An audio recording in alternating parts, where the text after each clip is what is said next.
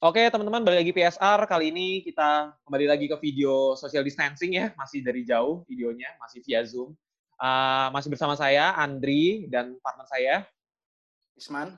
Isman. Nah, kali ini kita mau membahas uh, suatu topik yang unik ya. Film adalah produk dari budaya. Nah, seperti biasa, kita nggak mau ngebahas berdua sendirian, kita selalu mengundang seorang yang lebih kredibel dan kredensial.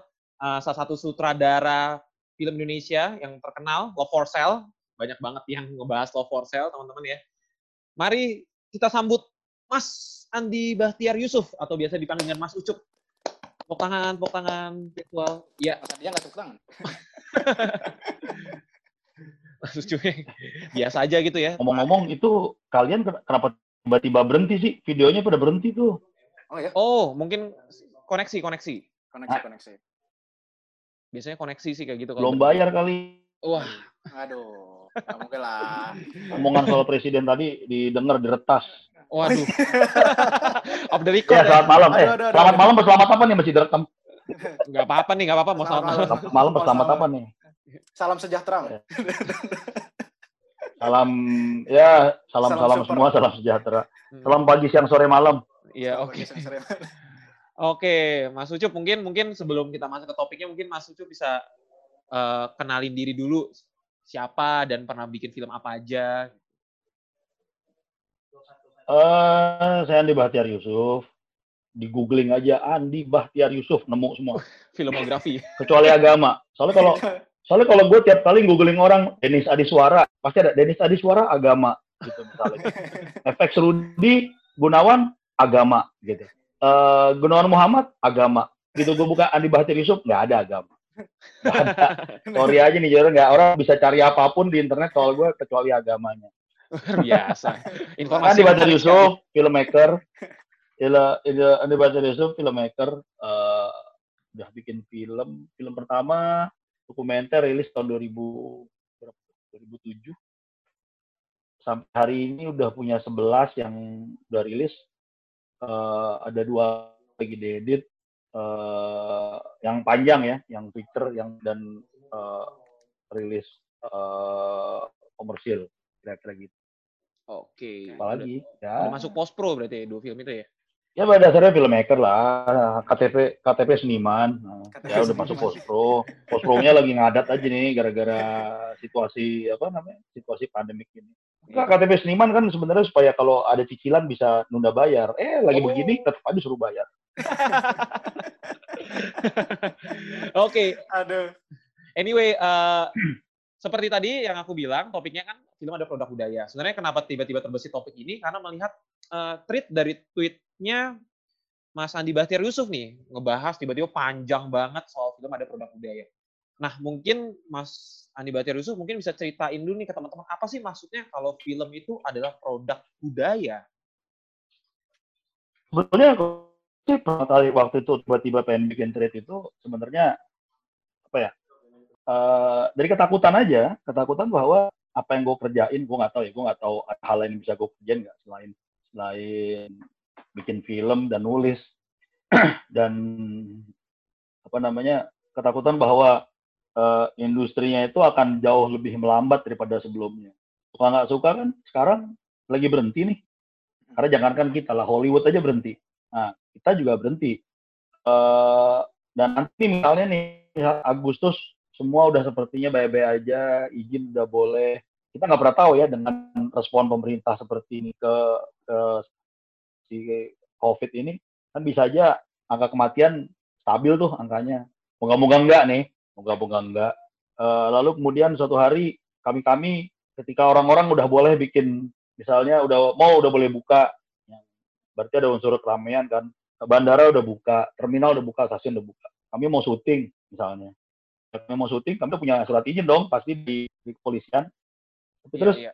ketika datang ke sebuah daerah, ke sebuah pemukiman mau syuting, orang daerah situ lima hari yang lalu misalnya ada yang PDP gitu, kami bisa aja dilarang syuting kan sebenarnya.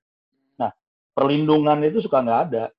Itu yang dialamin dari hal yang paling kecil ya. Jadi, jadi sebetulnya film ini bisa belakangan banget nanti uh, jalan. Moga-moga sih nggak kejadian ya.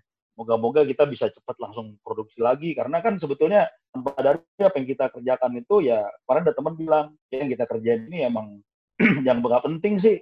Soalnya nggak berasa buat orang-orang padahal bikin mereka seneng. Pekerjaan seni itu kan pekerjaan yang kemudian sama sekali uh, diabaikan sama orang. Orang tua aja begitu anaknya tahu mau jadi seniman bisa pusing palanya. Kecuali orang tuanya seniman juga. Uh, tapi di masa kayak gini semua orang nonton produk seni kan? Nonton iya betul. film nonton lagu nonton apalah foto macam Iya, iya. gitu. Bahkan nih kalau nggak salah sekarang pre- presiden lagi konser nih sekarang ya kan? Galang Wah, dana. Kan produk seni juga. Iya. Iya, jadi iya. nggak sih? Jadi kan? Ah. nah nah tapi kan ketakutan itu nggak perlu ada kalau misalnya eh, industri pekerjaan ini dianggap sebagai sebuah produk budaya. Percaya deh menurut gue gitu ketika waktu itu gue pernah berdebat sama seorang budayawan top yang bilang itu kalau dia bilang ya dia me- me- mengimplikasikan kalau film ini bukan produk budaya karena dia ngomongnya begini udah you nggak usah ngomongin budaya you ngomongin film aja. Padahal kan kalau buat gue ada orang main gitar masuk ke dalam warung genjreng-genjreng tanpa surat izin itu produk budaya pasti. Kan di negara apalah Eropa kita mesti punya surat izin kan buat ngamen nggak bisa ngamen sembarangan ngamen di pinggir jalan butuh surat. Nggak bisa main sembarang ngejreng aja. Dan itu budaya makanya mereka bisa dari situ. Dan tanpa tanpa kita sadari kan sebetulnya cara hidup kita aja nih. Cara hidup kita aja kan sebenarnya sesuatu yang ter apa terpengaruh sama sama sebuah budaya. Dan budaya apa yang kemudian mempengaruhi kita ya suka nggak suka budaya Amerika. Karena kita nonton melalui film-film Hollywood. Bahasa Inggris yang kita omongin aja. Ya, kalau kita ngomong bahasa Inggris kalau bahasa Inggrisnya kedengeran eh, apa logatnya medok dikit dibilang aneh. Logat Inggris ini aneh. Inggris London gitu yang benar logat Amerika.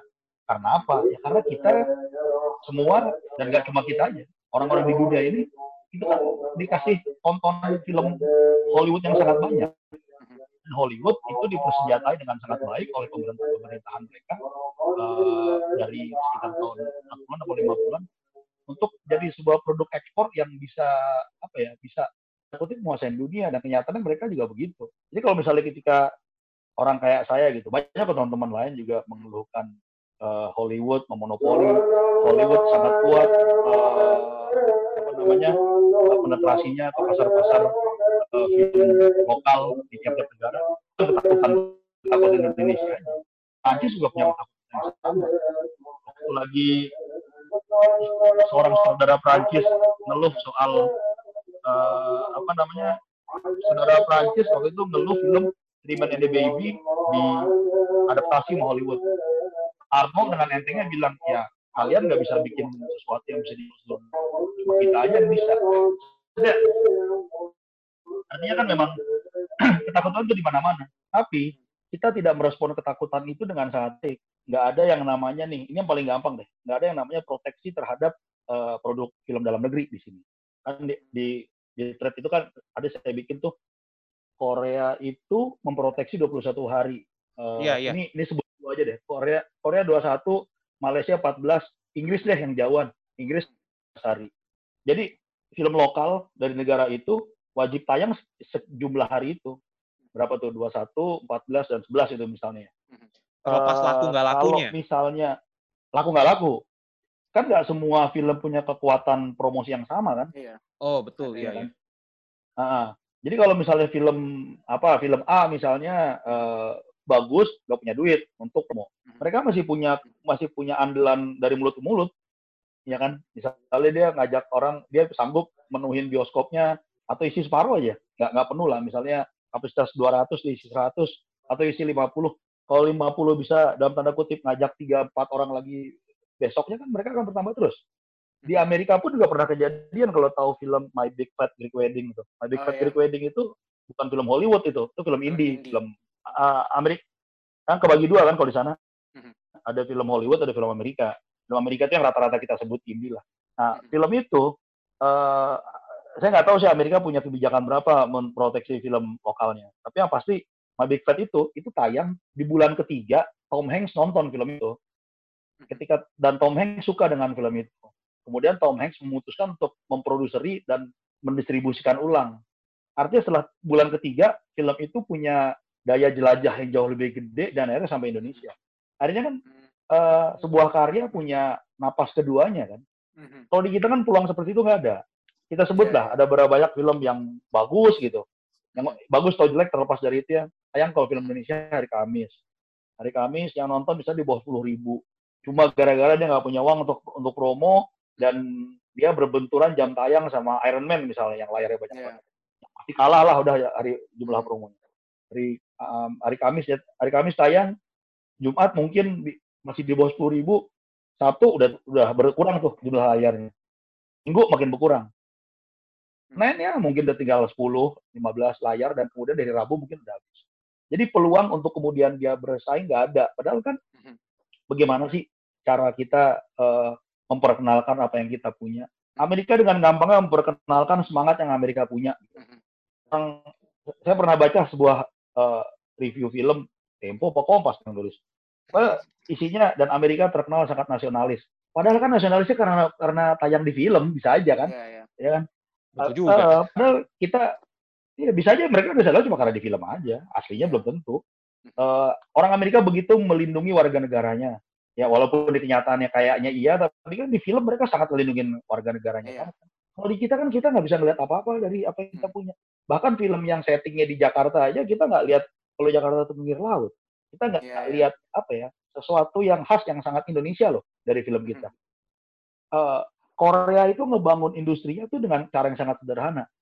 Pemerintah minta swasta punya perusahaan film dan produksi. Bikin apa aja nggak diatur.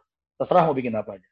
Dan perlahan-lahan dari 90-an mereka hidup hari ini dan hari ini kita lihat aja. Eh, hari ini mereka paling nggak semua regionalnya Netflix dikuasai sama Korea film-film. Seriesnya Iya. banyak, filmnya banyak. Mereka salah satu yang terkemuka lah. Setelah Hong Kong mulai mulai begini ya dan Jepang eh, tidak Stagnan. tidak bergerak Iya. seperti Korea gitu. Karena Korea kan kalau kita konten filmnya gabungan antara Jepang, Hong Kong dan eh, apa ya apa namanya komersialisasinya Hollywood. Iya. Filmnya sangat Hollywood cara bercerita cara bertutur. Mhm. Isi filmnya itu cuma bunuh-bunuhan, ya kan? Iya, Cinta-cintaan, ya kan? Iya, iya. Bunuh-bunuhan, cita-citaan, pelakor, zombie segala macam. Tapi Mhm. impactnya apa coba ke kita? Kita pengen ke Korea. Oh, Mhm. Pulau Oke. Jeju rame banget. Orang Iya, iya. orang habis nonton nonton Goblin pengen datang kalau kali syuting. Tapi kan memang itu impact impact film kan seperti itu. Lalu Iya. kemudian mereka pemerintah juga membantu eh, si produk-produk ini produk lah saya sebut karena kan banyak orang ngerespon dengan iyalah film minta diproteksi film doang. Padahal kan sekarang film sama meja apa meja rotan itu bedanya apa? Sama produk kan sebetulnya. Mhm. Bedanya meja rotan dianggap karya anak bangsa, karya tangan gitu, apa namanya, kerajinan tangan. Kalau film dianggap kerjaan selebriti. Padahal kan sebetulnya apa yang dibuat ini kan di level yang sama. Orang Iya. diproduksi mungkin dengan harga yang lebih mahal, dijual dengan cuma berapa puluh ribu. Ada bioskop 20 ribu aja masih ada kan sebenarnya di daerah-daerah. Jadi sebetulnya cara kita untuk memperkenalkan apa yang kita punya dan yang kita punya, ya salah satu yang cepat adalah budaya populer budaya populer adalah film. Indonesia sering meminta orang-orang tua nih biasanya sering meminta supaya kita menjaga budaya bangsa. Budaya pada mau nggak mau berevolusi. Betul kita mesti ngejaga budaya yang udah ada. Masalahnya negara ini kan sangat multi etnis, multikultur. Repot dong kalau misalnya orang Padang suruh ngejagain budaya wayang orang Jawa kan susah. Iya kan? Iya juga. Iya, nggak ngerti aja nggak? Coba. Iya, Iya, nggak iya, bisa, iya. Makanya ngerti aja nggak? Iya. Iya, terus misalnya orang Jawa suruh ngejagain budaya tari samana orang Aceh, ngerti aja nggak Iya, filosofinya? enggak. Ya, Hmm. hidup dengan ini sendiri aja, iya kan? Kita eh, kita bisa melihat makanya karya-karya di Indonesia ini yang yang sangat tahan lama, misalnya Peter Pan, Dewa. Coba bayangin kalau Peter Pan Ariel nyanyi lagu Padang, yang denger orang Sumatera doang. Iya. Ahmad Dhani kalau nyanyi lagu Surabaya, Jawa, Jawa doang. Iya, iya. Kita orang Jakarta belum dengerin loh. Mungkin malah sebel. Di, di Kempot, di, di Kempot kan lagi dapat angin kedua, tiba-tiba Hmm. rame dan dan dan kemudian jadi tren aja dia sendiri. Eh, marketing humas apa segala macam bekerja dengan sangat baik di, di second wave-nya dia. Jadi kemudian orang-orang pada nonton walaupun walaupun sebenarnya nggak terlalu ngerti, tapi kan dia campurkan dengan budaya gambus. Iya. Eh, apa namanya disebut dangdut apa itu namanya? Koplo, koplo. Koplo. Itu kan- Koplo. Itu kan sebenarnya, nah, Danut koplo kan sebenarnya pertemuan dengan budaya-budaya pesisir eh, Jawa ketemu dengan budaya Melayu dan segala, segala macam kan. Jadi dia masih punya esensi-esensi yang bisa digabungin dengan budaya lain. Nah, kita mau mem- memperkenalkan apa nih keluar misalnya. Peter Pan mungkin contoh yang oke lah, karena itu budaya populer Indonesia. Malah saya suka bilang, budaya Indonesia mah bukan bukan kerawitan, budaya Indonesia itu Peter Pan. Ya, karena semua orang Indonesia bisa memahami dengan cepat. Iya. Iya kan? Sekarang contoh Korea deh. Korea kan dulu Gangnam Style tahun berapa tuh? 2010 Sekitar 11 2000. Gangnam Style ya. tuh gede sekitar- banget Iya. kan. Ah. Ya 10 11 lah ya. Aha. Itu tuh saya lagi ke Belfast lagi beli ini sarung tangan di musim dingin kan. Mhm. Film Belfast yang jauhnya nggak karu-karuan itu. Iya. Bener lagu Gangnam Style. Habis itu lagi di jalanan London gitu ya. Iya. Beberapa hari kemudian eh, lagi jalan ada tukang beca, ya beca turis di sana kan ada juga. Mhm. Itu lagi dengerin lagi nyetel Gangnam Style kenceng banget, kenceng banget dan dan ya dan ke- kenceng banget. Dan kalau nggak salah si Sai itu Mhm. berapa bulan setelah itu ada tur Eropa deh kalau nggak salah. Iya. Nah, ada. Sekarang kalau misalnya kita, iya, dan kita, dia pasti pakai program pemerintah. Siapa yang tahu K-pop tahun 2000-an atau 2000 awal atau tahun 90-an? Nggak ada kan? Nggak ada. Kalau eh, Jepang itu sampai eh, blokir negara, sempat blokir negaranya berapa tahun pertama atau ketika K-pop merajalela. Beberapa orang bilang eh, J-pop dan J-rock itu punya punya peluang untuk cepat bergerak waktu itu, tapi mungkin Jepang terlalu nganggap enteng K-pop dan. Nah, di soal ekspor budaya, mereka berpikir mereka masih bangsa terkuat aja di Asia dan bangsa yang paling top. Nyatanya hari ini coba berapa banyak orang dengerin J-pop, eh ya J-pop sama J-rock, Iya. dengerin K-pop semua. K-pop dengan apa kemarin ada Coachella ya, Coachella kalau nggak salah BTS kan Oh. yang salah Oh, satu iya. band. Eh Coachella, Coachella. Coachella, Ya, Coachella. salah satu band eh, kelompok Coachella kan, Ah, salah satu band pembukanya kan BTS. BTS. BTS Nah, dan kita iya, iya. coba kita pengen mu- mu- kita pengen muncul di Coachella, pengen muncul di Glastonbury segala macam. Pasti kita pengen eh, gendang rampak lah ke sana, wayang orang ke sana. Iya, iya betul bukan betul. itu yang paling penting. Mesti, iya, kita mesti nunjukin bahwa kita ini ya kayak Amerika lah, bangsa multikultur, multi etnis, berasimilasi semua orang. Melahirkan budaya baru, budaya bergerak, budaya lama masih ada. Ya, kan kenyataannya juga budaya yang kayak wayang gitu aja orang nggak ho- ho- hobi-hobi amat sekarang. Tadi itu nonton wayang orang di Solo, Mhm. ah, nonton batu tujuh orang. Sementara nonton Rock in Solo penuh. di kandang sendiri wayang wayang orang kalah. Iya. gitu. Iya, iya. Ya karena programnya juga nggak ada. Artinya pemerintah mau ngapain? Mau ngomongin propaganda budaya yang mana nih? Lokal duitnya pasti eh, punya punya daerah kan. Eh, kalau mau Indonesia ya ciptain aja. Seperti Korea menciptakan budayanya, seperti Amerika menciptakan budayanya. Kita tahu kalau Amerika, kalau nggak salah gua tuh tuh kecil sampai SMA deh. Gue masih ngira kalau Amerika tuh menang perang Vietnam loh. Wow. Oh, padahal Vietnam yang Iya. menang di situ. Iya. Padahal Vietnam yang menang. Vietnam yang menang. Ya makanya gue kalau nggak eh nggak sampai sama SMP. SMP itu gue nonton Platoon dan Mhm. waktu itu waktu baca reviewnya, oh mereka kalah di sana ya. Sebelumnya kan Rainbow menang. Iya. Apalah. Ada film dulu Platoon Leaders menang. Mhm. Siapa tuh Michael Dudikoff segala macam zaman itu Michael Dudikoff. menang mulu. Kirain Pas mereka menang gitu. Ya. Padahal nih hari ini nih kalau hari ini kalau kita lihat coba Amerika tuh menang perang yang langsung bersentuhan sama mereka nggak ada lagi. Perang Iya. dunia kedua kan kalau ke Eropa tanya sama orang Eropa yang menang perang Iya. dunia kedua siapa? Bukan Amerika. Tapi kita percaya kalau Amerika yang menang. Nah, kita Iya. percaya kalau Amerika segitu hebatnya. Eh, Iya, dan itu emang digunakan mereka untuk propaganda mereka. Iya. Mereka yang Ya, mengendalikan mungkin nggak sadar ya. Hmm, mereka men- menciptakan narasinya dengan sangat baik. Apakah itu di program pemerintah? Suatu waktu mungkin iya. Mungkin bisa aja gini nih, tahun 30-an itu ada sebuah ada sebuah gerakan untuk menjadikan eh, mencari superhero di Amerika. misalnya. Lahirlah Superman, Batman, Captain Amerika, kan lahir tahun-tahun itu semua. Berarti deh, Iya, komik tahun-tahun superhero Amerika rata-rata lahir di tahun-tahun itu. Hmm. Tahun pas perang. Artinya mungkin mereka sedang punya program itu.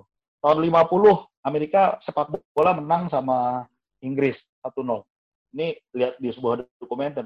Henry Kissinger bilang, mereka nggak mau kalau sepak bola Eropa itu uh, sepak bola Eropa yang kita kenal tuh uh, itu jadi olahraga yang populer di Amerika. Mhm. Karena kalau itu jadi olahraga yang populer, mereka nggak akan pernah punya national identity. Nah, tahun-tahun itu juga, tahun-tahun itu tuh tahun 1950 mereka mulai bikin program untuk mengganti itu tuh uh, sentimeter, meter tuh, jadi inch, yard, feet, Oh, iya. gitu-gitu tuh. Oh, Patrick Mile. wow. Oh, ya. Ah, metrics itu diganti sama mereka kan. Hmm. Mereka ganti sendiri dengan hitungan ya satu mil berapa kilo kan hitungannya nggak bulat Iya, iya, satu buat. setengah gitu tapi satu enam tiga satu kan nyebelin banget. Iya, iya. enam tiga dua berapa tuh? Nggak bulat aja. Iya kan? Bulat. nah terus mereka mereka daripada daripada kami eh, membuat demam sepak bola Eropa kami harus kembangkan sepak bola yang Amerika banget. Dan sepak bola Amerika itu adalah permainan gabungan antara permainan sepak bola yang dari Eropa juga ya rugby maksudnya digabung dengan unsur yang cuma kami punya sendiri. Jadi American football. American football itu dimainkan cuma di Amerika Serikat. Duitnya jauh lebih gede daripada semua olahraga di dunia ini termasuk sepak bola Eropa. Ya tapi kita ada balik. Semua kan diprogram dengan benar gitu. Dan dan dan negara punya peran. Eh, nggak bisa kita coba bilang nggak tapi kan dengan dengan national identity itu kan. Ah ini muncul gitu. Eh, Indonesia. Tapi kan udah selesai sampai di situ. Karena kan gagasannya Superman melawan orang gagasannya Gundala dari dulu ya lawan orang-orang sini-sini aja. Mengua- meng- dunia itu lauk nggak punya menguasai dunia. Si lawan-lawan Gundala itu nggak ada yang menguasai dunia. Karena kan memang Mhm. mindset yang diciptakan dan yang dibentuk kan nggak begitu. Mhm. begitu. Oke, oke. Ini gue jadi eh, jadi tertarik dengan yang tadi yang Mas bilang kayak misalnya yang di Korea tadi kan ada yang kita diterapkan namanya screen quota itu kan yang film harus ditayangkan berapa hari atau persentasenya dari total layar yang ada beberapanya harus film lokal. Sebenarnya langkah-langkah seperti itu tuh pernah dicoba di Indonesia nggak sih? Ah, langkah melestarikan film sebagai produk budaya atau sama sekali nggak ada dari dulu? Sebetulnya sih kalau nggak ini ini kalau nggak salah ya soalnya gue udah ber- udah udah rada-rada udah lah bikin aja lah pusing juga lama-lama bikin juga. Udah bobot ya. nah karena kan karena di perfilman juga ada politisi biar mereka aja yang ngurusin iya iya Wow. Enggak, sebetulnya konon undang-undangnya ada ya politisi kan produser segala macam Iya, mereka iya. berkepentingan jauh lebih gede kan Eh, Mhm. maksudnya kapital juga mereka berkepentingan tuh investment juga Eh, sebetulnya kalau nggak salah undang-undang tahun 2007 2008 gitu. Sempat udah ada. Nah undang-undang itu belum dijalankan sampai hari ini. Kalau nggak salah tuh film lokal itu 10 hari deh kalau nggak salah ya. Saya belum pernah jalankan hari ini sampai hari ini. Alasannya cuma ya karena apa tuh kalau bikin undang-undang itu mesti ada undang-undang lain ya yang membuat undang-undang Oh, iya. itu jalan ya. Iya iya. Nah kayak gitu-gitu itu. Nah hal-hal kayak gitu yang yang yang belum pernah di- yang belum pernah terjadi. Jadi kalau misalnya ditanya apakah ada undang-undangnya? Ada. Apakah undang-undangnya jalan? Ah, belum. Itu kan lain hal. Kan sama kayak undang-undang iya iya. kayak undang-undang karantina wilayah lockdown. Kan kita dikasih duit. Kan karena nama karena nam- namanya Iya. PSBB kita nggak dikasih duit kan? Iya, iya, iya, iya. kan 2018 tuh undang-undangnya. Oke, oke. Berarti menurut sebetulnya sebetulnya ada sebet- hmm? Jadi menurut Mas sendiri eh, tadi aku menarik sih maksudnya ketika ketika sebenarnya tidak perlu menunjukkan sisi asli dari sebuah culture di negara itu untuk untuk bisa memperkenalkan negara itu gitu. Makanya pemerintah sangat support sekali gitu. Eh, misalkan kita berarti kayak Amerika tuh memfabrikasi suatu hal di dalam film itu berarti suatu hal yang tepat kayak misalkan kalau kita mau memperkenalkan Indonesia kita nggak perlu show off eh, budaya kita wayang tuh begini loh. Tapi kita fabrikasi dikit supaya orang-orang tertarik gitu memodernisasikan atau membuatnya jadi lebih bisa nyaman untuk dilihat gitu supaya orang-orang tuh orang-orang di luar sana ketika nonton produk kita film kita ngelihatnya oh ternyata seperti ini loh gitu. Tapi walaupun Ternyata- ketika mereka datang ke Indonesia kok nggak seperti yang digambarkan di film-film dan itu nggak apa-apa menurut Mas sendiri.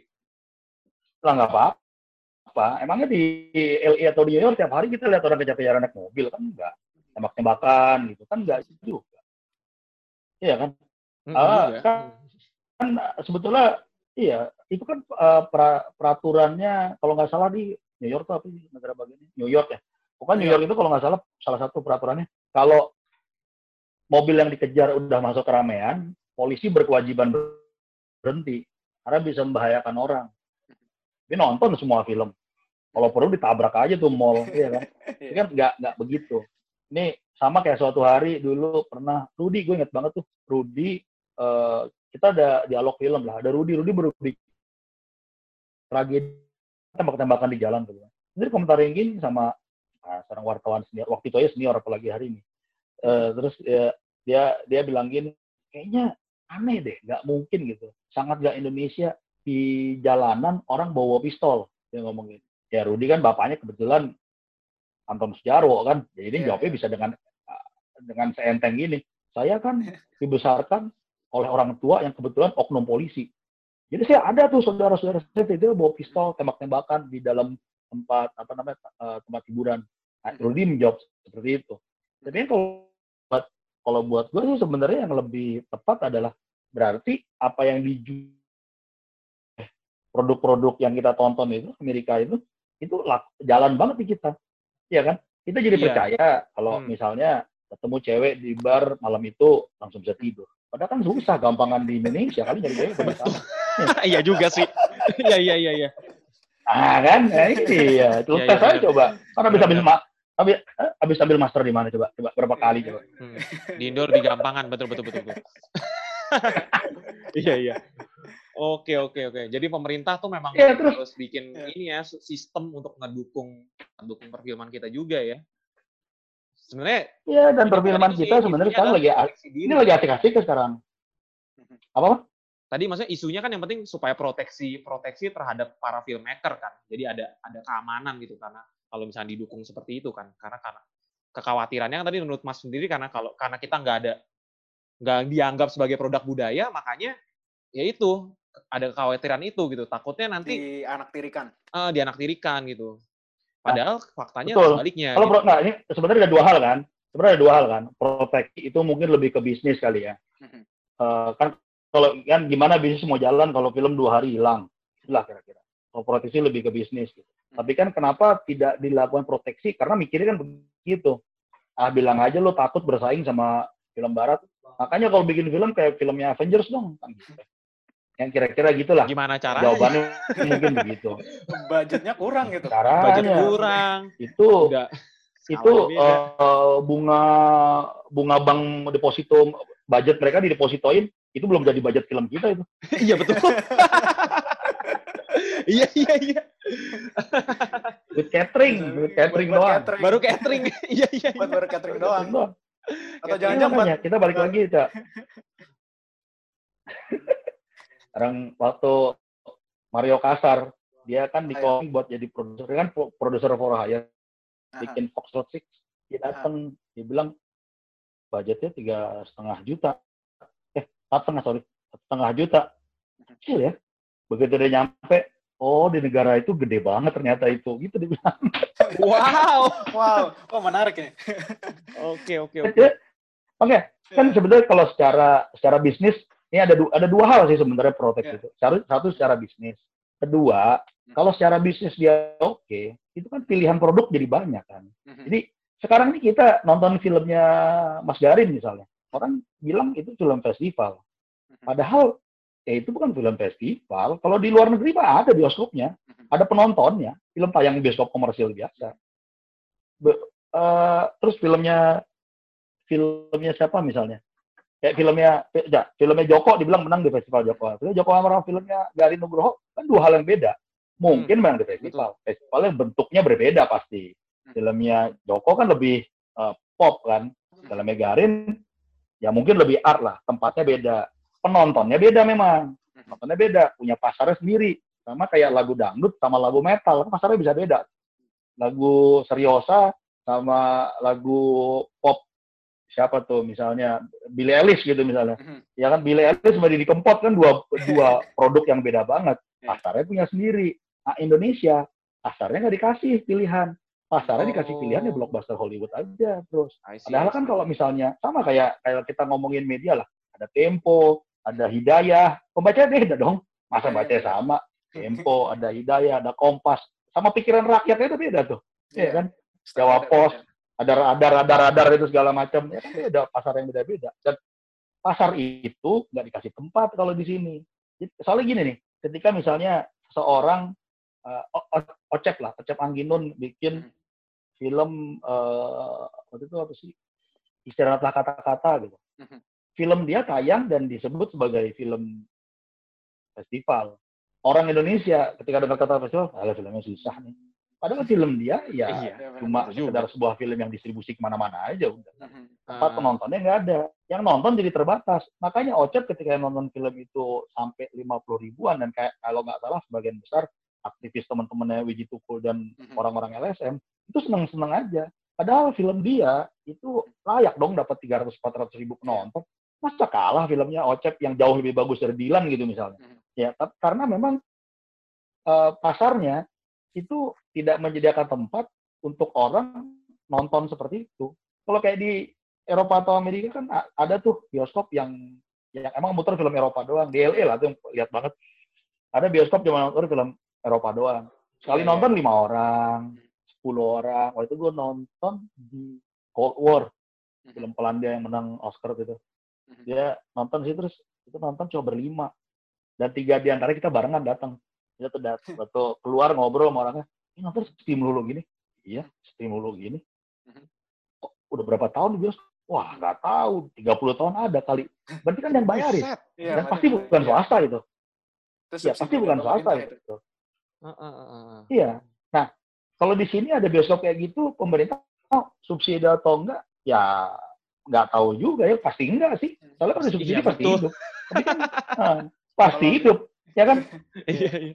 Ya minimal sosial nih. Kita bertiga mungkin punya tonton Iya. selera nonton yang kurang lebih sama lah kali. Mhm. Ya kan kita mungkin nonton apalah. Kita Parasite kita anggap ah film bagus lebih bagus dari itu mah banyak. Kita mungkin gitu di bertiga. Iya. Itu kita nonton terus kita nonton kita ngumpulin temen dua-dua-dua aja. Tiga ada 30.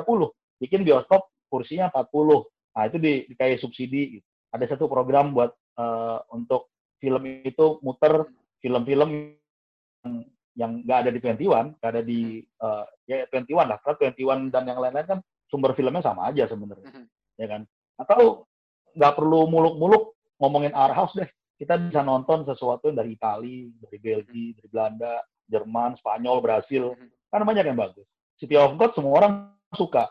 Di mana nontonnya nggak ada yang nonton di bioskop. Kecuali dulu nonton di G-Fest tuh nonton di bioskop. Iya. Tapi karena ya itu tadi tempatnya nggak ada dan bukan cuma tempatnya nggak ada, tidak dididik untuk tidak dididik tanda kutip ya, Mhm. untuk eh, Untuk mulai nonton. nonton kayak begitu. Edukasi pasar kan perlu. Sekarang Iya, betul. apa sih bedanya close up sama Pepsodent kalau mau Iya, iya, disebut merek Mhm. kan sama buat sikat gigi juga. Tapi kan kalau mau jago ciuman pakai close up, kalau mau sayang-sayangan sama keluarga pakai Pepsodent, kesannya begitu. Ya kan? Image-nya dijual beda. Iya, iya, iya, iya. Jauh beda loh.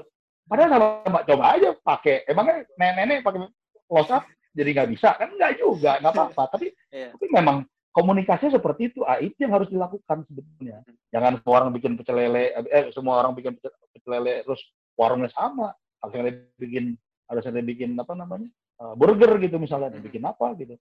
Dan masalahnya sebenarnya karena banyak orang bukan banyak orang itu nggak cuma masyarakat ya karena masyarakat tidak di tidak nggak tahu lah tuh backcraft aja ganti kan sekarang Iya. backcraft jadi apa sih sekarang tuh Eh, ya, ke pariwisata Ya, juga itulah, jadi satu. pokoknya- Nah, ya pokoknya backcraft itu kan kementerian apa tuh yang si Wisnu Tama yang ngurusin Iya. kan harusnya itu kan kementerian yang eh, backcraft itu badan yang salah satu ngurusin film tapi kemudian waktu itu di perjalanannya film kan cuma bagian kecil doang yang lainnya tuh ya kerajinan apa segala macem Iya. Nah, Hmm. mungkin waktu itu karena eh, devisanya nggak gede kali. Tapi tahun 2017 apa? Itu kan film dicabut dari daftar investasi negatif. Iya. Orang mulai berbisnis ke situ. Ini tahun ini dan tahun-tahun tahun lalu itu venture capital itu udah mulai nih masuk ke film. Mhm. Udah banyak orang mulai masuk film. Jadi kalau tadinya investor tuh perorangan, sekarang udah mulai perusahaan. Dan itu menarik banget. Iya. Nah, momentum kayak gini, nggak tahu nih pemerintah tahu apa nggak. Harusnya mereka tahu, mereka kan pintar. Hmm. Nggak cuma baik, dia pintar juga. Nah, jadi harusnya mereka, jadi mereka harusnya tahu dong kalau Hmm. momentum itu mesti mereka jagain dan menjaga momentumnya itu nggak segampang itu juga karena itu tadi kita mau syuting nih misalnya bulan Juli atau didatengin warga bukan soal udah izin apa belum itu udah ada yang mati kemarin PDP ntar lu kan. Iya iya oke oke Iya. oke. Menarik sih. Oke sih eh man banget nih ternyata nggak nggak Hmm. menyangka ya kalau kalau dari hanya sesederhana itu saja bisa impact-nya tuh banyak banget gitu ya ke para filmmaker ya. Semoga Iya. pemerintah benar-benar benar highlight isu inilah gitu dengan, dengan harapan dengan naiknya video. Kalau kita lihat ya, Superman, Spider-Man, bajunya warnanya apa pakaiannya? Merah biru. Biru merah, merah kan? dan biru. eh. Bendera Amerika. Itu warna apaan? Bendera Amerika itu udah gitu Iya. doang kan? Heeh. Ya kan? Nggak tahu apakah dari itu apakah desain dari awal ataukah kemudian dari revisi atau gimana? Tapi itu tuh menggambarkan bahwa ya itu ah, apa namanya representasi Amerika. Benar-benar Eh, mikirin kita- banget ya negara ya. mereka ya. Iya, iya. ya mereka konsep pasti. Hmm. Dulu tuh pernah ke Edinburgh Fringe-nya. Mhm. Itu ada ya ada festival segala macam. Ada tuh tari-tari Korea yang oh, Hmm. yang nontonnya males banget sepi lah yang nonton. Hmm. Nggak kebayang tuh berapa tahun kemudian itu ada Gangnam Style joget di situ mungkin penuh banget kali orang rame. Iya. Oke deh. kan itu cara kita untuk memperkenal- memperkenalkan diri kan. Hmm, betul Ah. betul.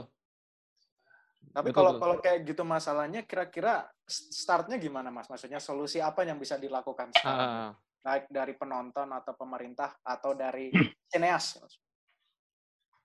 Kalau sini udah sering bunyi itu, udah macam-macam mulu. Produser lagi, produser kan apalagi kalau udah ngomongin kapital kan udah Iya. produser tuh, mereka paling berasa Iya. duluan, ya kan. Hmm. Kalau kalau kayak gua gini kan ada di posisi yang eh, terbatas untuk bisa melakukan sesuatu. Jadi kalau mau bikin mau bikin yang seperti Ano, habis itu langsung masalahnya di budget misalnya. Karena kalau mau bikin lebih gede, skopnya penontonnya pada datang atau enggak gitu. Habis gitu terus eh, habis gitu terus mau bikin sesuatu yang kayak Ano dianggap nggak laku orang Indonesia nggak suka. Kayak Love Cell lah, Love for Sale itu Hmm. dibikin tahun eh cerita dibikin tahun 2009. Bisa syuting 2017. Itu praktis cuma gara-gara nggak ada yang suka. Jadi produser tuh nanya ada setannya atau enggak, ada seksnya atau enggak, ada komedinya Wow. atau enggak.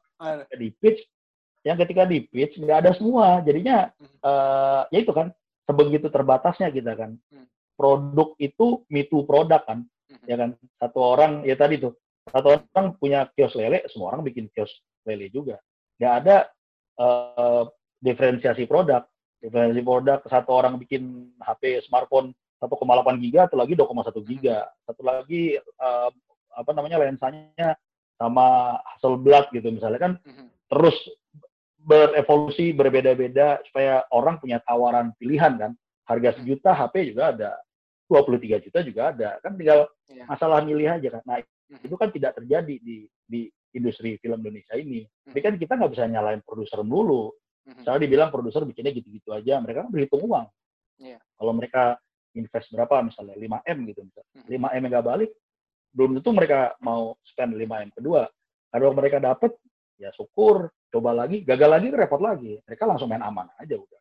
Sering banget tuh denger gitu mereka pengen main aman aja ketika perjuangan pertama ternyata nggak jalan kayak gitu gitulah nah bagaimana melakukannya saya rasa sih orang-orang film udah pernah ngoceh-ngoceh sih pasti Mhm. pemerintahnya harus memulai sesuatu Backcraft itu udah oke tuh waktu Backcraft ada rasanya ini ada harapan nih investasi negatif dicabut nah ini ada harapan nih tapi ternyata gitu aja Mhm. kan udah, udah tahu kan kalau Iya. eh, distributor film Hollywood itu Mhm. 21 kan Iya. 21 itu mempunyai license untuk mem- apa namanya untuk mendistribusikan film-film Hollywood Mhm. makanya tanggal tayang kita eh, cenderung serentak kan sama Amerika Mhm. bahkan bisa lebih cepat Eh, habis gitu nah berarti kan film Hollywood tanda kutip punyanya 21 Mhm. Nah, film Indonesia datang kan bertamu sebenarnya ke situ. Kan bukan punya 21, kan bagi hasil sama 21. Mhm. Jadinya eh, kita praktis tanda kutip numpang sebenarnya di tempat itu. Yang sebenarnya nggak apa-apa kalau misalnya ada aturan-aturan tadi itu. Pemerintah nge-push supaya ada aturan segini, ini, segini. Kan pada akhirnya balik lagi kan, film betul produk budaya, tapi unsur hiburannya kan gede. Iya kan? orang menganggap sebagai hiburan. Jadi walaupun kedikjayaan Amerika digambarkan dengan superhero, penonton kan nggak pikir. Yang kepikir cuma Amerika hebat gitu doang. Mhm. Superhero aja udah. Nah, superhero sebanyak itu orang Amerika semua. Nggak ada orang Spanyol superhero kan aneh aja. Iya, iya. Terus Iya, iya. Oke deh. Semoga dan oh, superhero nggak ada orang hitam. Cuma si Spawn doang orang hitam. Gagal sih. Iya. Ah, ada Black Panther. Spawn. itu Ah, juga Black baru. Panther akhirnya ya. Iya. Juga Wah. baru tuh, baru-baru. Itu itu baru 80-an ya kalau nggak salah komiknya pertama. kan? Iya, jadi pas-pas uh, rame Black exploitation gitu lah. Jadi ketika film-film uh, orang kulit hitam rame, membuatlah Black Panther.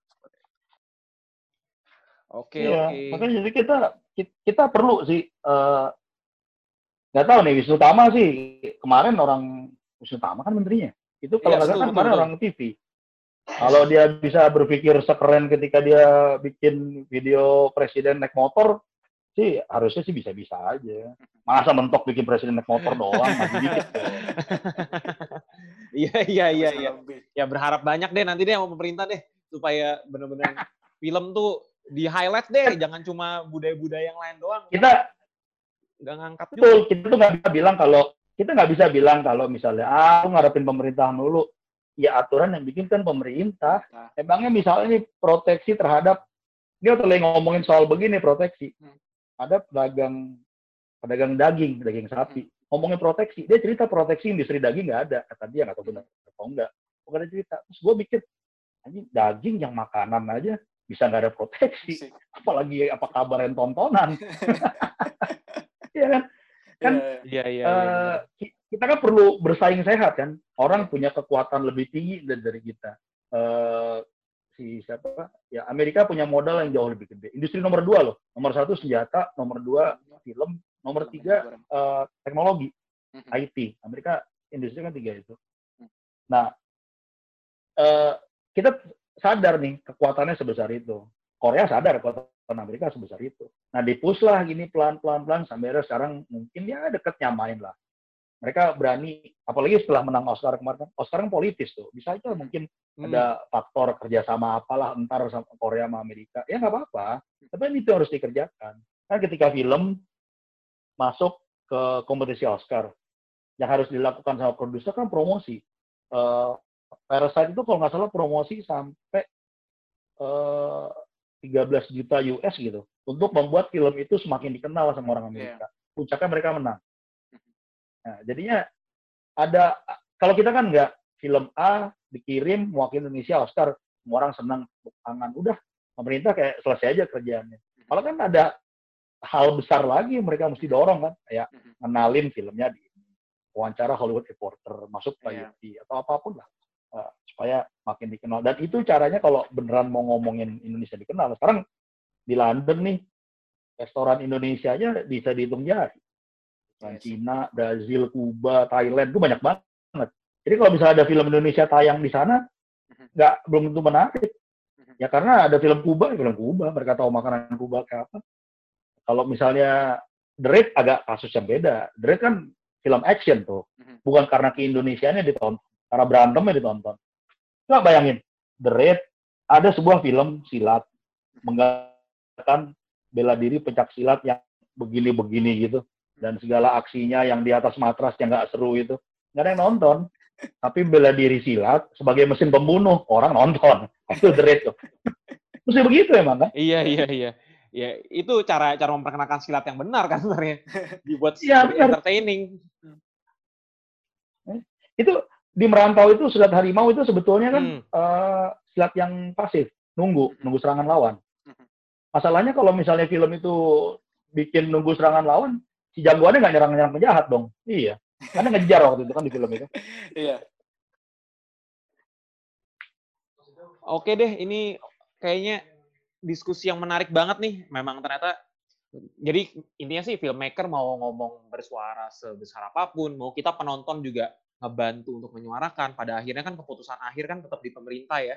Pemerintah yang memberikan kebijakan supaya kita bisa geraknya juga lebih enak gitu. Percuma juga kalau kita udah culture-nya juga udah mensupport film Indonesia, tapi pemerintah tidak mendukung kebijakannya. Jadi pada akhirnya juga susah juga untuk memperkenalkan film-film Indonesia keluar gitu. Bahkan untuk merepresentasikan film Indonesia sendiri ke orang-orang yang mungkin di daerah gitu yang Hmm. jarang terakses bioskop dengan mudahnya gitu ya.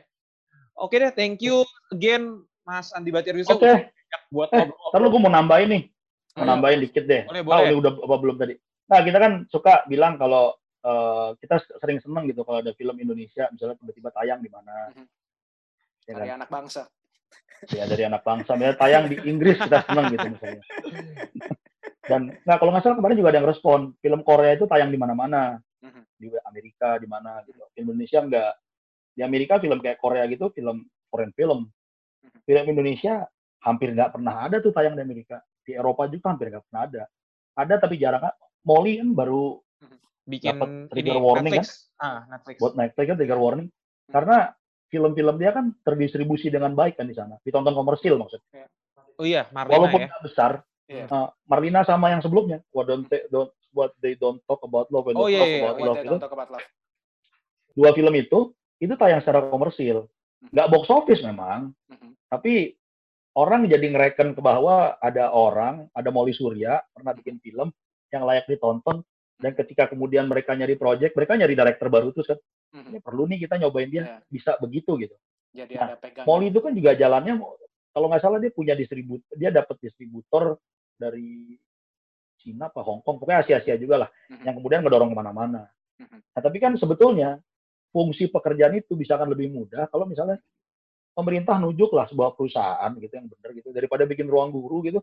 Kan misalnya si perusahaan ini bertanggung jawab safsus milenial yang masih muda-muda itu kan doyan nonton pasti Iya, lah. Pak. Pasti doyan nonton. Itu startup Pasti. juga lu sama kayak lu. Iya. Nah, beda ya, rezeki aja. Nah, si si ya si itu bisa bisa dibikin sebuah distributor Hmm. berapa dan kemudian ntar ada ada ada mesti ada lawan ada kompetitornya kan Hmm. yang kemudian mendistribusikan film ke A I U E O dan juga dibuka juga jaring-jaring bilateralnya dulu Hmm. pernah soalnya gue ikut itu Berlin Talent Campus tapi udah lama nih Ya. tahun 2005 uh, Berlin Talent Campus pertama-tama mau bikin film lah Hmm. itu kita duduk eh, ngomongin soal distribusi film waktu itu kayak film konsol kalau nggak salah. Terus mereka terus mereka nanya asalnya dari mana nih yang ikut nih. Mhm. Nah, habis gitu ada gua sama Filipin kita keluar karena Inggris nggak punya perjanjian perdagangan kesenian waktu itu sama negara-negara ini. Sekarang mungkin udah ada, tapi waktu itu nggak ada. Artinya ada pengaruhnya kan. Mhm. Nah, Love for Sale itu tahun 2013 14 tuh sempat mau diproduksi tuh sama PH di Swedia. Mhm. Eh, nggak jadi karena kemudian kalau itu jadi produk Swedia, dia akan susah berdagang di Indonesia karena itu tadi perdagangan keseniannya nggak ada waktu itu. Tidak ada Oh, kesempatan. berarti kan- efek itu juga ya. Baru Ya, tahu. ya ma- makanya kan berarti kan eh, perdagangan kesenian atau apa gitu kan Hmm. mungkin di industri perdagangan tuh ada AIUEO tuh Mhm. ada teknologi ada apa ada kesenian kali atau teknologi kesenian apa kerajinan apalah otomotif atau apa gitu berjejer gitu nah kalau itu dibuka mungkin akan lebih gampang dan yang paling penting setelah itu dibuka ya ada mediumnya nih buat ngedorong jadi kita nggak perlu memperdebatkan lagi eh, film siapa keluar negeri jadi nggak jadi masyarakat Indonesia nggak perlu ngelihat Love for Sale ada di Netflix anjing keren banget gitu ya enggak lah itu Netflix beli udah gitu doang Iya. Iya, Nanti iya, kita iya. cerita hari ini tayang dia nih Iya. keren. Iya, kalau gua sebagai filmmaker promo gue bilang keren emang. Iya. Dan sebetulnya Netflix eh, di sini eh, produksi gitu agak lebih gampang daripada daripada Amerika. Karena Amerika ya karena sistemnya gede ya karena industri jadi lebih berat. Makanya Molly keren banget itu bisa ada di sana. Dan itu tadi tanpa dukungan sama sekali. Tangan pemerintah. Wah. Kayaknya emang harus berjuang sendiri deh untuk sekarang. iya. Biar, Iya, biar makanya kan ada kan tertampar. Hmm. di thread gue kan pernah gue bilang itu kita kalau lagi ada acara seminar nih Mhm. itu di depan pembicara sama kita kita juga ngomong Hmm. kalau di Korea kalau di Jepang kalau di Thailand kalau di Jepang tuh gini gini kalau di Thailand itu diaturnya gini gini Korea gini gini gitu terus kalau luar bikin kopi gue ngomong gini sama teman eh ini kita tiap acara begini selalu ngomong gitu ya. Kalau di Mhm. Korea kalau di Jepang Thailand. Itu orang-orang di sana ngomong asal gitu terus si teman gue bilang "Eh, Paroni Paroni itu yang jadi badut bilang gitu. Iya. ngomong lah cup. Hmm. ngomong lah cup. Ini mereka ngomongnya gini Hmm. lu ini pada manja-manja. Lihat no Indonesia. Pemerintah nggak ngurusin diatur enggak undang-undang nggak ada. Orangnya gila-gila bikin terus. Iya, iya. Nanti giran udah udah sukses, pemerintah baru masuk. Nih Baru film mandi kita klaim, bangga, gitu. Iya. Diajakin nobar di istana Iya, sama iya. presiden. Jangan lupa. Iya, iya, iya. Oke deh, paling gitu aja. Thank you lagi ya, Mas Ujung udah mau Oke, ngajak ya, diskusi. sama. Nanti Semoga- kita diskusi lagi Mas untuk Hmm, apa kalau- topik yang lain. Hmm, betul. Semoga PSBB juga kelar dan film-film Mas Ucup juga udah beres dua lagi. Jadi bisa nonton lagi. distribusinya Oke. bagus, sukses juga. Bagi eh bagi linknya kalau deh. Iya, Oh, siap, siap. Pasti, pasti. Oke. dibagi. Oke, teman-teman. Oke. Thank you udah nonton. Akhir kata play it, don't stop, just rewatch. Cut.